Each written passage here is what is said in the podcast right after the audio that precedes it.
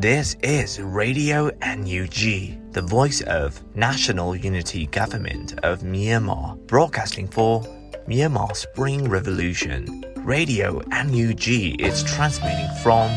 shortwave 16 meter 17.79 megahertz at 8:30 a.m. and 25 meter 11.94 megahertz at 8:30 p.m. Myanmar Standard Time.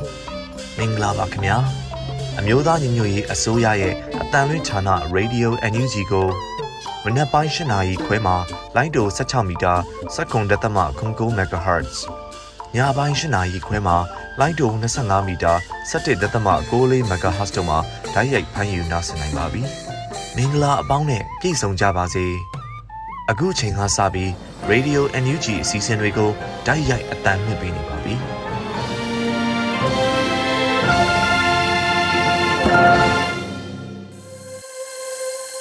မြန်မာနိုင်ငံသူနိုင်ငံသားအပေါင်းတဘာဝပေးဆိဟာနာရှင်ပြီးတို့ကနေကင်းဝေးပြီးကိုစိတ်နှပါဘေးကင်းလုံခြုံကြပါစေလို့ရေဒီယိုညူးချီဖွယ်သားများကနေဆုတောင်းမြတ်တာပို့သလာရပါတယ်ရှင်။အခုချိန်ကစပြီးရေဒီယိုကြီးရဲ့စီးရီးသတင်းကောက်နှုတ်ချက်တွေကိုတော့ရန်နိုင်မှဖတ်ကြားတင်ပြပေးပါရမရှင်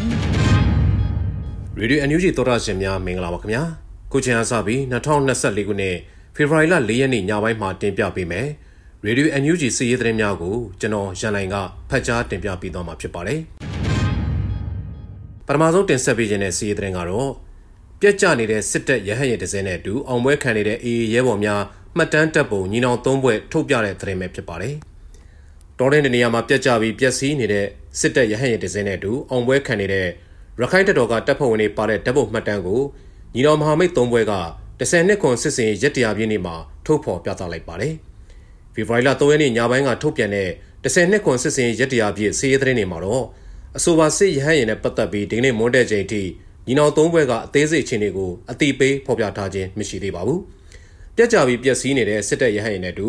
အောင်မွဲခံနေတဲ့ရခိုင်တပ်တော်ကတပ်ဖွဲ့ဝင်တွေပါတဲ့မှတ်တမ်းပုံကိုညီနောင်မဟာမိတ်သုံးဘွဲဘက်ကထုတ်ပြလိုက်တာဟာစစ်ကောင်စီရဲ့အရှိုက်ကိုထိုးနှက်လိုက်တာဖြစ်နိုင်တယ်လို့စစ်ရေးလေ့လာသူတွေကပြောပါတယ်။အဆိုပါစစ်ရဟန်းရင်ဟာ MI17 လို့ခေါ်တဲ့တိုက်ခိုက်ရေးရဟန်းရင်ဖြစ်နိုင်တယ်လို့လည်းဆိုပါတယ်။ရခိုင်ဘက်ကလာတဲ့စစ်ရေးသတင်းတွေအရ ဒီရဟန်းရင်ဟာရန်ပြင်းမြို့နယ်အတွင်းဖြစ်နေတဲ့တိုက်ပွဲတွေမှာပစ်ချခံရတဲ့စစ်ရဟန်းရင်ဖြစ်နိုင်တယ်လို့သိရပါတယ်ခင်ဗျာ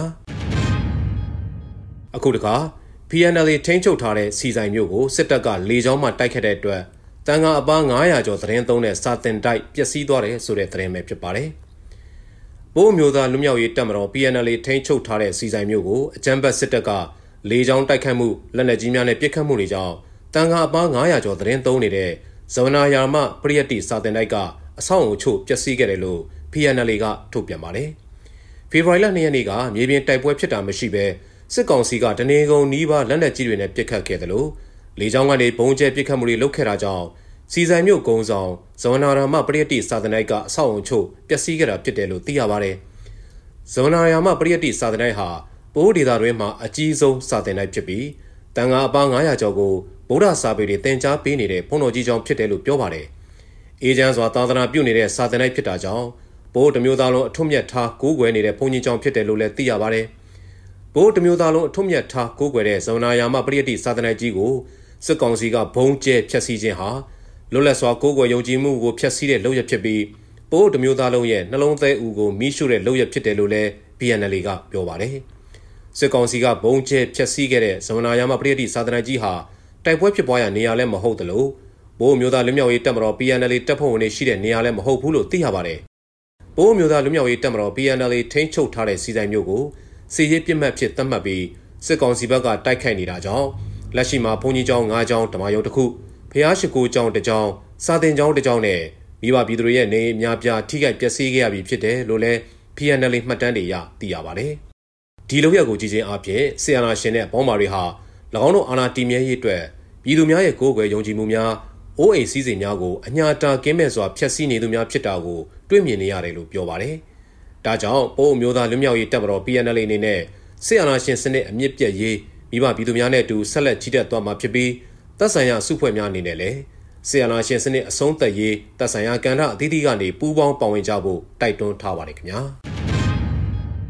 အခုနောက်ဆုံး အကြမ်းဖက်စစ်တပ်နဲ့ SNA ပူးပေါင်းတပ်ဖွဲ့များအင်အား400ဖြင့်ရွှေပြည်အေးမြို့အားပြန်လည်ထိန်းချုပ်နိုင်ရေးအတွက်အလုံးရင်းထိုးစစ်ဆင်ခဲ့တော့လေအကြရှုံးများပြီးမြို့မှခွာစစ်ဆင်နေရတယ်ဆိုတဲ့စီးရဲသတင်းကိုတင်ဆက်ပေးကြပါမယ်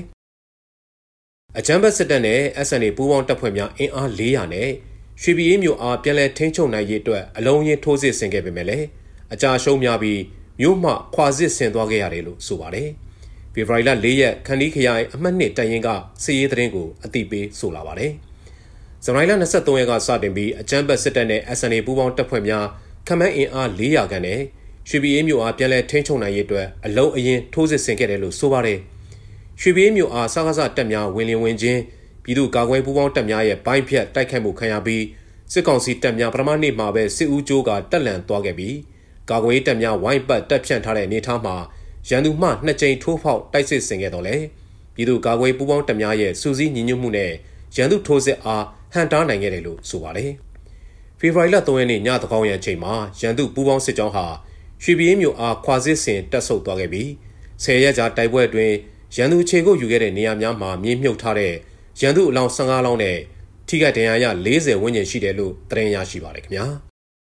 အခုတင်ပြခဲ့တဲ့စီးရဲသတင်းတွေကိုတော့ Radio NUG သတင်းတောက်မင်းတီဟန်နဲ့ကိုခန့်တို့ကပေးပို့ထားတာပဲဖြစ်ပါတယ်ခင်ဗျာ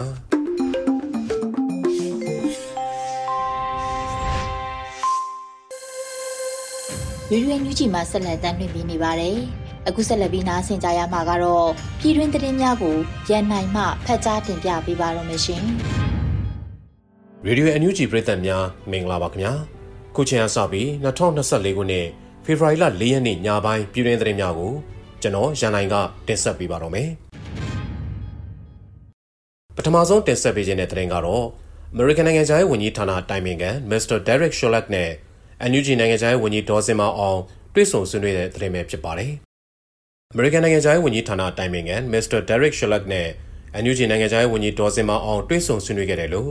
ဖေဖော်ဝါရီလ2ရက်နေ့ Twitter မှာ American နိုင်ငံခြားရေးဝန်ကြီးဌာနတိုင်ပင်ခံ Mr. Derek Chollet ကလည်းအတိပေးရေးသားထားပါတယ်။ ERS နဲ့မကြသေးမီကပူးရဲထုတ်ပြန်ချက်အပါအဝင်အဓိကသက်ဆိုင်သူများနဲ့ NUG ညှိနှိုင်းဆောင်ရွက်မှုကိုကြိုဆိုပါတယ်။မြန်မာနိုင်ငံမှာအားလုံးပါဝင်နိုင်တဲ့ဒီမိုကရေစီရရှိရေးမျှဝေအမြင်ကိုပံ့ပိုးရန်အဓိကအခိုက်အတန့်လို့ရေးသားထားပါတယ်။နိုင်ငံခြားရေးဝန်ကြီးဒေါ်စင်မအောင်နဲ့အမေရိကန်နိုင်ငံခြားရေးဌာနရဲ့တိုင်ပင်ခံပုဂ္ဂိုလ်တို့တွေ့ဆုံခဲ့တယ်လို့လည်းနိုင်ငံတော်သမ္မတရုံးပြောရေးဆိုခွင့်ရှိသူက Twitter မှာရေးသားဖော်ပြထားပါတယ်ခင်ဗျာ။အခုတင်ဆက်ပေးခြင်းတဲ့သတင်းကတော့ နယူးယောက်မြို့မှာကျင်းပတဲ့ခုခံတော်လန်စစ်နဲ့အတူအာနာသိမ့်မအောင်မြင်မှု၃နှစ်ပြည့်လူမှုစုဝေးပွဲသို့ NUG နိုင်ငံခြားရေးဝန်ကြီးဒေါ်စင်မအောင်နဲ့ကုလသမဂ္ဂဆိုင်ရာမြန်မာနိုင်ငံတမ္မတ်ကြီးဦးကျော်မိုးထွန်းတို့အထူးဧည့်သည်အဖြစ်တက်ရောက်အားပေးခဲ့တဲ့သတင်းကိုတင်ဆက်ပေးကြပါမယ်။နယူးယောက်မြို့မှာကျင်းပတဲ့ခုခံတော်လန်စစ်နဲ့အတူအာနာသိမ့်မအောင်မြင်မှု၃နှစ်ပြည့်လူလူစုဝေးပွဲသို့အန်ယူဂျီနိုင်ငံခြားရေးဝန်ကြီးဒေါ်စင်မအောင်နဲ့ကုလသမဂ္ဂဆိုင်ရာမြန်မာနိုင်ငံတမ္မတ်ကြီးဦးကျော်မိုးထွန်းတို့အထူးဧည့်သည်အဖြစ်တက်ရောက်အားပေးခဲ့ကြပါတယ်။ American ပြည်ထောင်စုနယူးယောက်မြို့ Times Square ရင်ပြင်မှာခုခံတော်လန်စစ်နဲ့အတူအာနာသိမ့်မအောင်မြင်မှု၃နှစ်ပြည့်လူလူစုဝေးပွဲကိုဒေသစံတော်ချိန်ဖေဖော်ဝါရီလ3ရက်နေ့လယ်2နာရီမှညနေ4နာရီထိ NYCBC အဖွဲ့မှဦးဆောင်ကျင်းပခဲ့ပါတယ်။အခမ်းအနားကို NUG နိုင်ငံခြားရေးဝန်ကြီးဒေါ်စင်မအောင်နဲ့ကုလသမဂ္ဂဆိုင်ရာမြန်မာနိုင်ငံတန်မတ်ကြီးဦးကျော်မိုးထွန်းတို့အထူးဧည့်သည်အဖြစ်တက်ရောက်ခဲ့ကြပြီးမြန်မာနွေဦးတော်လှန်ရေးနဲ့ပတ်သက်ပြီးနိုင်ငံတကာရဲ့သဘောထားများ ဆက်လက်လှုပ်ဆောင်နေတဲ့ကိစ္စရပ်များသိသင့်သိထိုက်တာများကိုတက်ရောက်လာကြတဲ့ပြည်သူလူထုအားရှင်းလင်းပြောကြားခဲ့ပါတယ်။ American ပြည်ထောင်စုအရှေ့ဘက်ကမ်းရိုးတန်းပြည်နယ်အတော်များများကတက်ရောက်ခဲ့တဲ့အဲ့ဒီလူလူစုဝေးပွဲမှာအာနာသိန်းစစ်တပ်အားမြန်မာပြည်တွင်းမှပထမဆုံးလူလူစန့်ကျင်လှုပ်ရှားမှုဖြစ်တဲ့သံမုံဒီသပိတ်ကိုပြန်လည်အသက်သွင်းပုံဖော်ခဲ့ကြပါတယ်ခင်ဗျာဆလပီနွေဦးတော်လန်ရေး၃နှစ်ပြည့်နှစ်ပတ်လည်နေ့ဝါရှင်တန် DC အိမ်ပြည်တော်ရှိဆန္ဒထုတ်ဖော်ရာ ဒုဝန်ကြီးဦးမိုးစောဦးတက်ရောက်အားပေးခဲ့တဲ့ဆိုတဲ့သတင်းကိုလည်းတင်ဆက်ပေးကြပါမယ်။နွေဦးတော်လန်ရေး၃နှစ်ပြည့်နှစ်ပတ်လည်နေ့ဝါရှင်တန် DC အိမ်ပြည်တော်ရှိဆန္ဒထုတ်ပေါ်ရာဒုဝန်ကြီးဦးမိုးစောဦးတက်ရောက်အားပေးခဲ့ပါတယ်။ဖေဖော်ဝါရီလ3ရက်နေ့နွေဦးတော်လှန်ရေး3နှစ်ပြည့်နှစ်ပတ်လည်နေ့ဖြစ်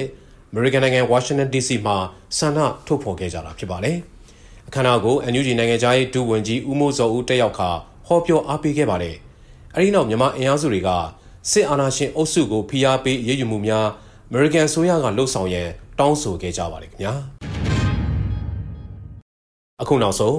တိုက်ပွဲမှာကြာဆုံးခဲ့တဲ့ပြည်သူ့ကာကွယ်ရေးအဖွဲ့ဝင်ရဲဘော်62ဦးအတွက်3600ကျော်မြို့သားညီညွတ်ရေးအစိုးရကာကွယ်ဝန်ကြီးဌာနမှကျန်းရည်သူမိသားစုများထံထောက်ပံ့ပေးရတဲ့ဆိုတဲ့သတင်းကိုလည်းတင်ဆက်ပေးကြပါမယ်တိုက်ပွဲမှာကြာဆုံးခဲ့တဲ့ပြည်သူ့ကာကွယ်ရေးအဖွဲ့ဝင်ရဲဘော်62ဦးအတွက်3600ကျော်ကိုမြို့သားညီညွတ်ရေးအစိုးရ ကာကွယ်ဝန်ကြီးဌာနမှကျန်းရည်သူမိသားစုများထံထောက်ပံ့ပေးရခဲ့တယ်လို့ဖေဖော်ဝါရီလ3ရက်မှာဂံကောမြို့နယ်ပြည်သူ့ကာကွယ်ရေးအဖွဲ့ကအသိပေးဆိုပါတယ်။နှွေဦးတော်လှန်ရေးတွင်အာဏာရှင်စနစ်ကြာဆုံးပြီး Federal Democracy စနစ်ပေါ်ပေါက်ရေးအတွက်အကြမ်းဖက်စစ်ကောင်စီအားရွေ့ရွေ့ချွန်းချွန်းတွန်းလှန်တိုက်ခိုက်ရင်းမြင့်မြတ်စွာကြာဆုံးခဲ့ရတဲ့ဂံကောမြို့နယ်ပြည်သူ့ကာကွယ်ရေးအဖွဲ့ဝင်ရဲဘော်များအားမြို့သားညီညွတ်ရေးအစိုးရကာကွယ်ရေးဝန်ကြီးဌာနမှဥညွတ်ဂုံပြုလွှာနဲ့ချီးမြှင့်ထောက်ပံ့ငွေကိုကျန်းရည်သူမိသားစုများထံပေးအပ်ခဲ့ပါတယ်လို့ဆိုပါတယ်။ ကြာဆုံးရဲဘော်များအတွက်တိုးလင်ကျပ်10သိန်းပေးလျက်ရှိရမှာပြည်သူ့ကာကွယ်ရေးအဖွဲ့ဝင်ရဲဘော်62ဦးအတွက်သိန်း610ကျပ်ကိုဂံကောမြို့နယ်ပြည်သူ့ကာကွယ်ရေးအဖွဲ့မှကျန်းရည်သူမိသားစုများထံထောက်ပံ့ပေးအပ်ခဲ့ပြီးဖြစ်တယ်လို့ဆိုပါတယ်ခင်ဗျာ။အခုတင်ပြခဲ့တဲ့သတင်းတွေကို Radio NUG သတင်းတောက်မင်းသိဟန်နဲ့ကိုခန့်တို့ကပေးပို့ထားတာပဲဖြစ်ပါတယ်ခင်ဗျာ။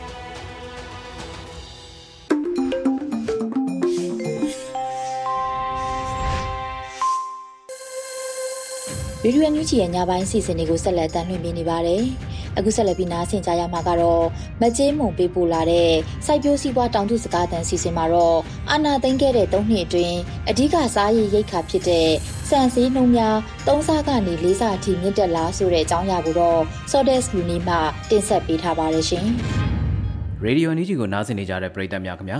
။အခုတင်ဆက်ပေးမယ့်အစီအစဉ်ကတော့စိုက်ပျိုးစည်းပွားတောင်သူစကားတန်အစီအစဉ်ဖြစ်ပါတယ်။ အကြမ်းဖက်စစ်တပ်ကအာဏာသိမ်းခဲ့တဲ့၃နှစ်အတွင်းအဓိကစားရည်ရိတ်ခါဖြစ်တဲ့စံစည်းနှုံများ၃စားကနေ၄စားအထိမြင့်တက်လာပါတယ်။ဒီသတင်းကိုတော့မတ်ကြီးမုံကပေးပို့ထားတာဖြစ်ပါတယ်ခင်ဗျာ။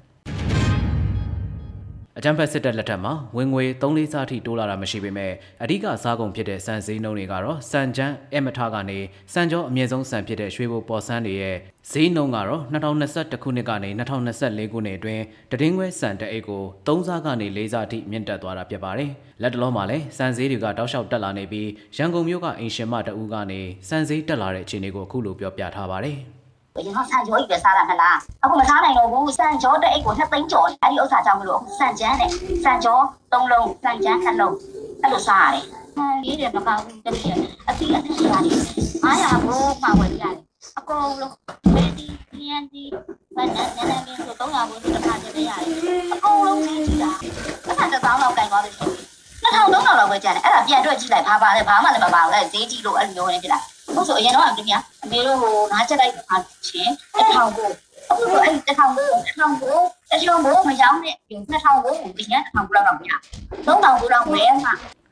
စံကုန်တဲ့အသင်းရဲ့ပြီးခဲ့တဲ့2022မှာထုတ်ပြန်ခဲ့တဲ့အာနာသိမ့်ပြီးတစ်နှစ်အတွင်းမြင့်တက်လာတဲ့စံဈေးတွေကိုရာဂိုင်နှုန်းနဲ့ဖော်ပြရမှာတော့ ရွှေဘိုပေါ်ဆန်းက63ရာခိုင်နှုန်းအေယာဝတီရန်ကုန်တိုင်းအပါအဝင်မွန်ပြည်နယ်ရခိုင်ပြည်နယ်စတဲ့အခြားနယ်စုံကထွက်ရှိတဲ့ပေါ်ဆန်းက52ရာခိုင်နှုန်းအသုံးများတဲ့ကြားပြန်ရှယ်ဆန်က89ရာခိုင်နှုန်းအမထအုပ်စုဆန်တွေက39ရာခိုင်နှုန်းထိမြင့်တက်ခဲ့တယ်လို့ထုတ်ပြန်ခဲ့ပါတယ်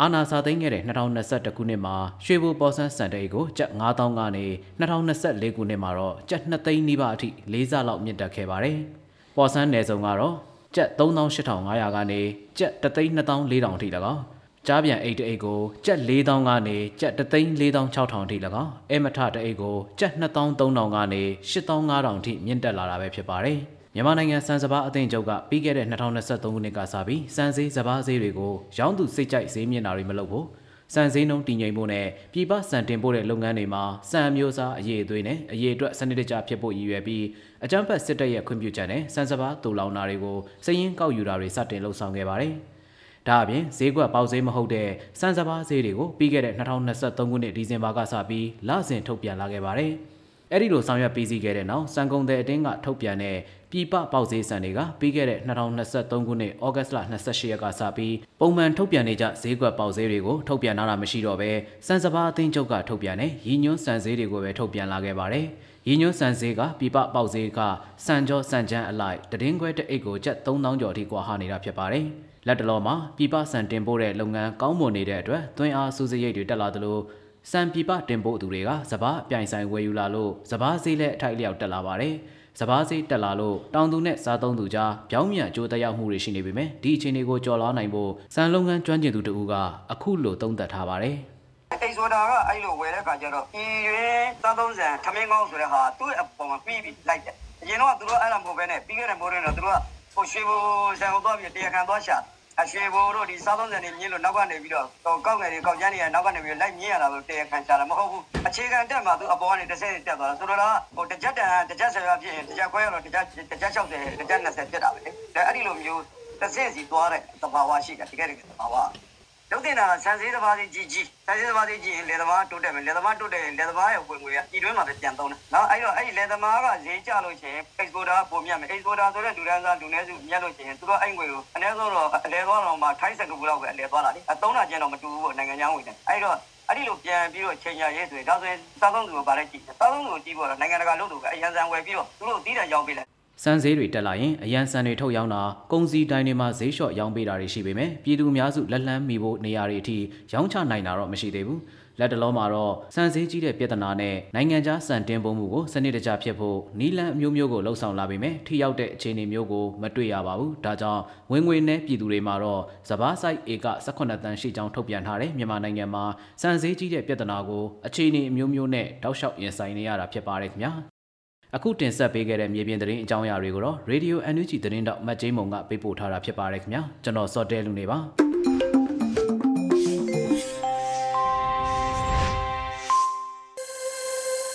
ရေဒီယိုညူးချီကိုနာတော်တာဆင်နေတဲ့ပရိသတ်များရှင်အခုတစ်ခါနားဆင်ကြရမှာကတော့တော်လန်ရေးကဗျာအနေနဲ့လူကဗျာရေးသားပြီးရွေဦးမိုးရွတ်ဖက်ထားတဲ့ကိုချင်းစာတရားလို့အမည်ရတဲ့တော်လန်ရေးကဗျာကိုနားဆင်ကြရတော့မှာဖြစ်ပါတယ်ရှင် ကိုချင်းစာတရားအိမ်မရှိတော့သူများကြောင့်အိမ်လွမ်းကြောင်းလဲမထုတ်ပြောရပါ အမေမရှိတော့သူများကြောင့်အမေကဘလောက်ချစ်ကြောင်းများလဲမဖွင့်ဟရပါငိုကြွေးနေသူများကြောင့်ရှင်လန်းဝမ်းမြောက်မှုအကြောင်းများလဲမမျှဝေလိုပါငတ်မုတ်နေသူများကြောင့်စိန်ကံအရတာများအကြောင်းလဲမဖော်လိုပါဒုက္ခရောက်နေသူများကြောင့် ကံကောင်းခြင်းများအကြောင်းလဲမခင်းကျင်းနိုင်ပါဆုံးရှုံးထားသူများကြောင့်ပိုင်ဆိုင်ခြင်းများအကြောင်းလဲမပြောခဲ့ပါလူကဗျာ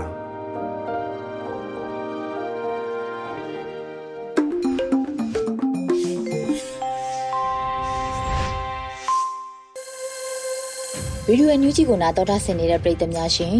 အခုဆက်လက်ပြီးနားဆင်ကြရမှာကတော့ PDF Insight Page မှာဖော်ပြထားတဲ့ဖ က်စစ်စစ်တပ်ပြတ်သုံးခြင်းဆိုင်ရာစောင်းမများကဏ္ဍမှာအာနာယူအလွန်မြန်မာနိုင်ငံလို့အမည်ရတဲ့အကြောင်းကိုတော့တခင်အမှဖက်ကြားတင်ပြပေးထားပါတယ်ရှင်မြမຫນွေဦး၃နှစ်ပြည့်ဖို့ရပိုင်းလောက်အလိုမှာတန်ဆုံဆိုင်းဝိုင်းကြီးတစ်ခုနားဆင်ရတယ်လို့ဖြစ်လာပါပြီနှဲလေးဆန်းလိုက်ပတ်လုံးလေးဆန်းလိုက်မိုက်ခွက်ကလေးဆန်းလိုက်နဲ့စလာရကနေပတ်မကြီးတထီထီနဲ့မြည်ဟီးလာတဲ့နောက်မတော့ကြေးနောင်မောင်ဆိုင်၆လုံးပတ်တွေ လက်ကွင်းတန်တွေမြိုင်မြိုင်ဆိုင်ဆိုင်ထွက်ပေါ်လာတယ်လို့ပါပဲမြမຫນွေဦးဟာတူမီနဲ့စခဲ့ရာကနေပျောက်ကြားပစ်လိုက်မိုင်းဆွဲလိုက်အဆင့်ကိုတက်လာတာ2023ထဲမှာတော့စကန်သိန်းတိုက်ပွဲတချို့ကိုတိုက်နိုင်လာခဲ့တာပါတစ်တုံညာနှစ်ခွန်စီမံကိန်းနောက်ပိုင်းမှာတော့အင်အားကြီးတဲ့အောင်ဟန်ဆောင်ထားတဲ့အကြမ်းဖက်စစ်တပ်ကြီးဟာဒဇဒဇပြိုလဲလာတာတွေ့ကြရတာပါပဲ ဒါကအာနာယုစစ်တပ်ရဲ့တရုတ်မှန်အရေးချင်းမှန်တွေထွက်ပေါ်လာတာပဲလို့ပြောရမှာပါຫນွေဦးတော်လိုင်းကြီးဟာပြည်တွင်းပြစ်စစ်စစ်ပြည်သူအင်အားတက်တက်နဲ့ဒီလိုအခြေအနေရောက်လာတာဖြစ်ပါတယ်ဆယ်စုနှစ်ပေါင်းများစွာစစ်တပ်ကိုလက်နက်ကင်တိုက်လာခဲ့တဲ့တိုင်းရင်းသားလက်နက်ကင်တွေရဲ့အတွေ့အကြုံနေကုန်းချုပ်ချက်တွေနဲ့စကိုင်းမကွေးပြည်သူတွေရဲ့စစ်တပ်အပေါ်ကြက်ကြက်ခံအန်တုမှုတွေပေါင်းစပ်မိရာက ဒီအခြေအနေရောက်လာတာပါဒါကမြန်မာနိုင်ငံရေးတမိုင်းရဲ့အရေးကြီးတဲ့အချိုးအကွေ့တစ်ခုဖြစ်ပါတယ်ပြည်မဆိုတာတလျှောက်လုံးအယူဝါဒဆွဲနိုင်ငံရေးနဲ့အဲ့ဒါကိုကိုစားပြုတဲ့လက်နက်ကင်မှုတွေနဲ့ရှိခဲ့တဲ့နေရာပါပြည်내အသီးသီးကတော့တိုင်းရင်းသားလက်နက်ကင်များကအစောပိုင်းကာလတွေမှာခွဲထွက်ရေးလှုပ်ရှားမှုတွေအထိရှိခဲ့ရာက1990ခုနှစ်အလွန်ပိုင်းမှာတော့တိုင်းရင်းသားအခွင့်အရေး ဒန်းတူရေးနဲ့ကိုယ်ပိုင်အုပ်ချုပ်ရေးတွေကအဓိကတောင်းဆိုချက်တွေပါပဲဒီနှစ်မျိုးရဲ့အနှစ်သဘောကိုချုပ်ပြောရမယ်ဆိုရင်ဖက်ဒရယ်အရေးနဲ့ဒီမိုကရေစီအရေးပါပဲပြောရရင်ဒီနှစ်ချက်စလုံးဟာပင်လုံစာချုပ်မှာပါခဲ့တဲ့အချက်တွေဖြစ်လို့အထူးဆန်းတော့မဟုတ်ပါဘူးဒါပေမဲ့ထူးခြားလာတဲ့အရာကပြည်မမှာရှိတဲ့အဖိနှိတ်ခံလူများစုဗမာတွေနဲ့တိုင်းရင်းသား ERO တွေတသားတည်းဖြစ်လာတာပါပဲ Federal Democracy နိုင်ငံထူထောင်ဖို့ဆိုတာအားလုံးတူညီတဲ့အရာဖြစ်လာတာပါစစ်တပ်ဟာ Federal Democracy လမ်းကြောင်းမှာအကြီးမားဆုံးသော အတားအဆီးဖြစ်တယ်ဆိုတာအားလုံးလက်ခံလာပါတယ်ဒီတော်လှန်ရေးကမြမမြေပုံကိုပါ ပြောင်းလဲရေးဆွဲရစရာ အလားအလာများပါတယ်ပြည်내အစ်စ်တွေနဲ့နယ်မြေပိုင်းခြားမှုအစ်စ်တွေဖြစ်လာနိုင်ကြီးများပါတယ်ဒါတွေက စစ်တပ်သားမရှိရင်သွေးသားရင်များတိုက်ဖို့တိုက်ဖက်များကြားကညှိနှိုင်းဖြည့်ရှင်းလို့ရတဲ့အရာတွေဖြစ်ပါတယ်ဝေဖန်ရေးဆရာများအနောက်ကပညာရှင်ဆိုသူများပြောနေတယ်လို့မရေရာမသေးချာမှုတွေများနေမှာမဟုတ်ပါဘူးတိုင်းပြည်တစားစီကွဲနိုင်သလားဆိုတဲ့ကိစ္စကသူတို့ကလောင်ဖျားမှသာရှိနေတာပါလက်တွေ့မြေပြင်မှာမရှိတဲ့အရာပါတိကျသေးကြတဲ့တူညီတဲ့ရည်မှန်းချက်ပေါင်းတွေမရှိကြဘူးဆိုတာလည်းပြောကြတယ် အမေရိကန်တော်လှန်ရေးကိုပဲပြန်ကြည့်ပါကိုလိုနီ73ပြည်နယ်ဟာအင်္ဂလိပ်တိုက်ထုတ်ရေးဆိုတဲ့ဘုံဥတီချက်တူညီမှုတွေနဲ့ပဲလုပ်ခဲ့ကြတာပါ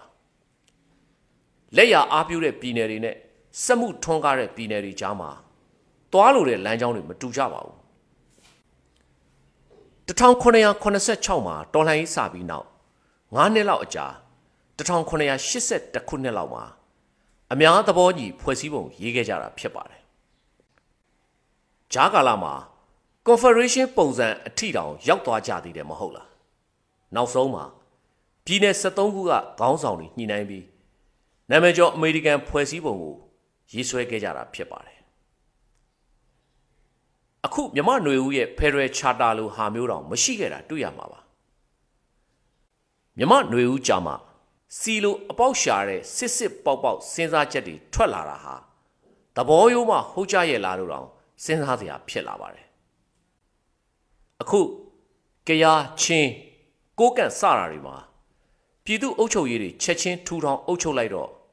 ပါဝါလေဟာနဲ့ဖြစ်မယ်ဆိုတဲ့အလုံးတလုံးသိပ်မပြောကြတော့တာတွေ့ရပါတယ်အမှန်ကတော့ဒီအချင်းရာတွေဟာစစ်တပ်ကိုအထင်ကြီးပြီးပြည်သူကိုအထင်သေးရာပေါ်ထွက်လာတာပါတကယ်တော့စစ်ဆိုးရဆက်ဆက်အောက်မှာတိုင်းပြည်ဟာဒဇစီဖြစ်ပြီးနေပြီးသားပါ ပါဝါလေဟာနဲ့ဆိုတာကလည်းအကြီးကြီးကိုရှိနေခဲ့တာပါ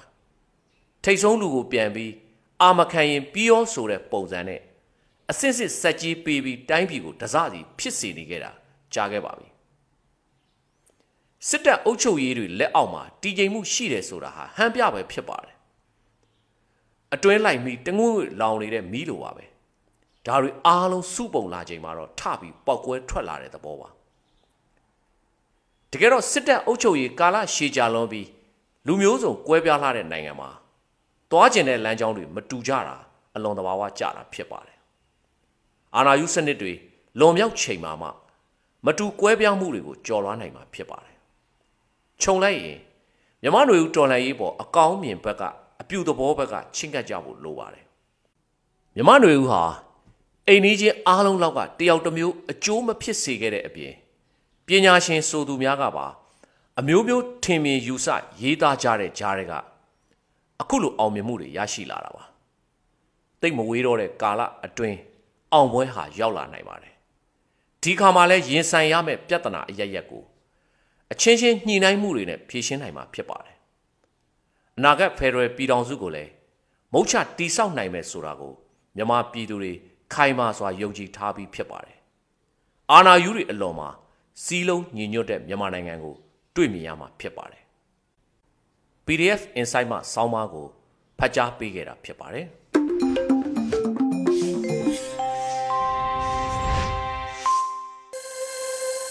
ဗီဒီယိုညူးကြီးကိုနာတော်တာဆင်နေတဲ့ပရိသတ်များရှင်